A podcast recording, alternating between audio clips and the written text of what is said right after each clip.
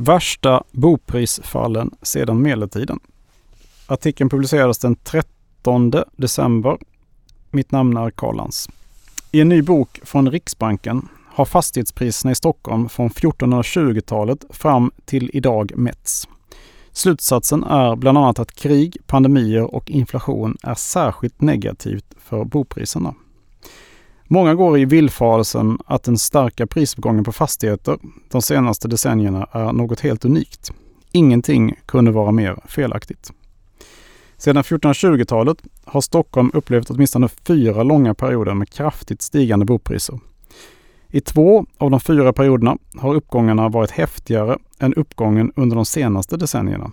Det visar boken Banking Bonds National Wealth and Stockholm House Prices som ges ut av Riksbanken och Ekelids förlag. Allra mest ökade bopriserna från tidigt 1800-tal fram till början av 1900-talet. Då steg priserna med 477 procent. Näst största uppgången var mellan 1570 och 1680.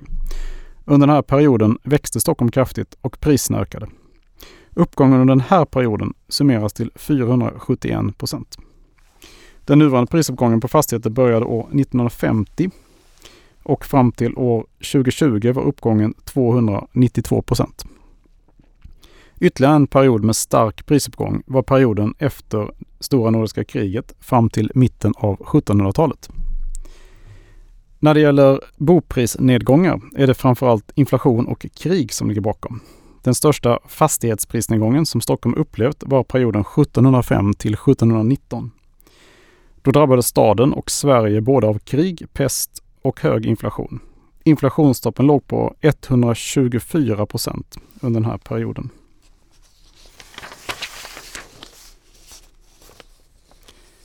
Boprisraset under de åren blev 50 procent. En annan stor nedgångsperiod var missväxten på 1690-talet då befolkningen minskade och bopriserna rasade med runt 50 procent. Under 1900-talet finns tre tydliga nedgångsperioder. Dels första världskriget och inflationen som följde på detta.